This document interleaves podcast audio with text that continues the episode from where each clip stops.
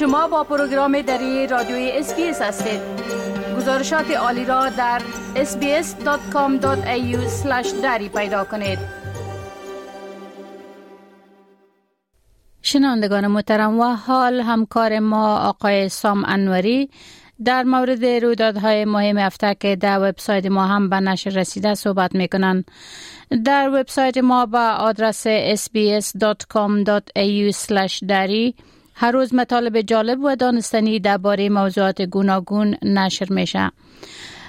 آقای سام انوری سلام خدمت شما. خوب در آغاز اگر بگوین که در هفته چی رویدادهای مهم در وبسایت ما به نشر رسیده؟ با سلام به شما و شنوندگان عزیز. خب این هفته را با یک رویداد تکان دهنده و تراژیک در ایالت کوینزلند که منجر به کشته شدن شش نفر شد آغاز کردیم.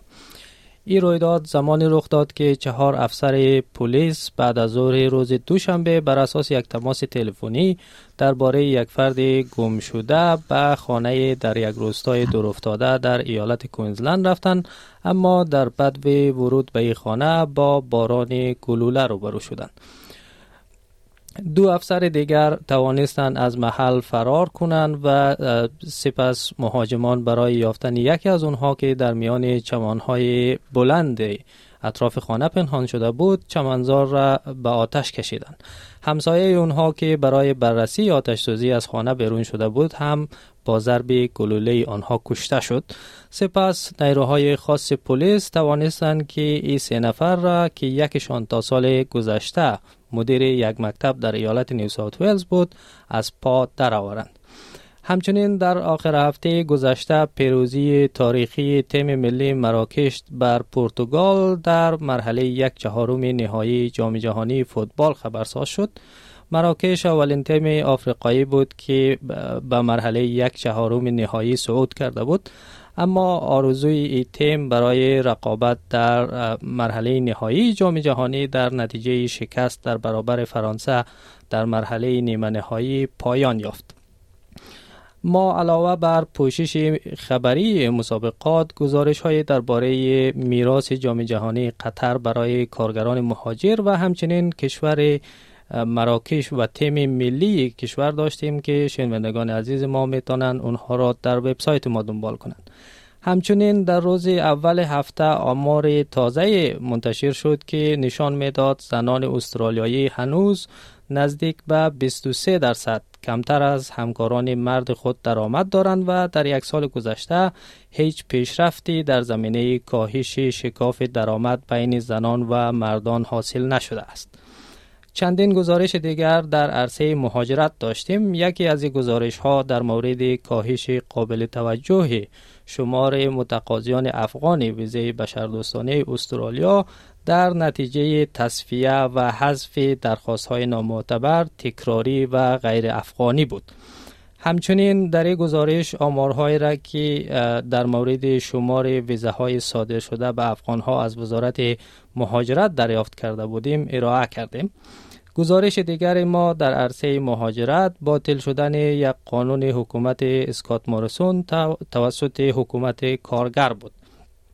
همچنین گزارش داشتیم در مورد اینکه در نتیجه تغییرات در روش های اولویت بندی درخواست ها برای ویزه های مهارت معلمان و کارمندان خدمات درمانی اکنون می توانند در سه روز ویزه استرالیا را بگیرند. در اواخر هفته هم حکومت فدرال توانست لایحه کاهش قیمت انرژی خود را در مجلس به تصویب برسانه که انتظار می رود از سال آینده هزینه های انرژی خانواده ها را کاهش بدهد. تشکر آقای انوری. خوب اگر لطف بکنین و در مورد لغو قانون حکومت سابق درباره مراسم اعطای شهروندی کمی بیشتر به شنونده های ما معلومات بتین بله همانطوری که اشاره شد حزب کارگر قانون حکومت مورسون مبنی بر الزام شهرداری ها به برگزاری مراسم اعطای شهروندی در روز استرالیا را باطل کرد و امتیازی از دست رفته تعداد اشوراها را به آنها برگرداند حکومت کارگر اعلام کرد که قانون را به دلایل عملیاتی کنار گذاشته و شوراهای محلی دیگر مجبور به برگزاری مراسم اعطای شهروندی در 26 جنوری یا روز ملی استرالیا نمی باشند.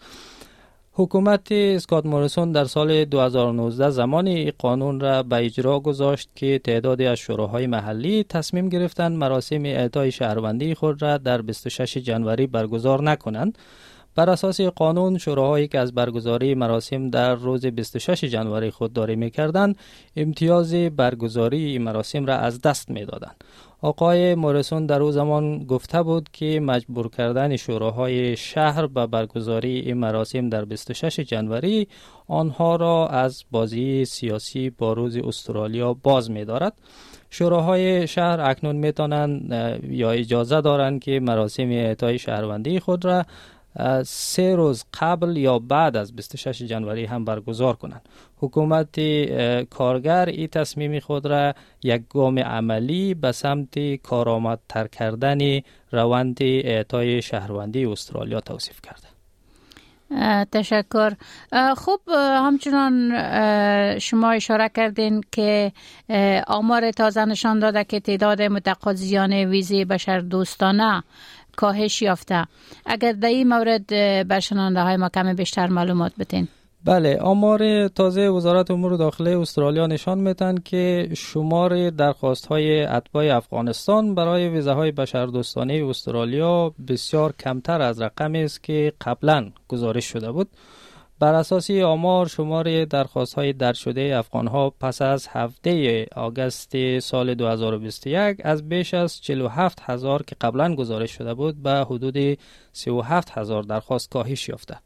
وزارت داخلت دلیل کاهش را بررسی عمیق تمام درخواست ها و حذف درخواست های نامعتبر، تکراری و غیر افغانی از میان آنها عنوان کرده.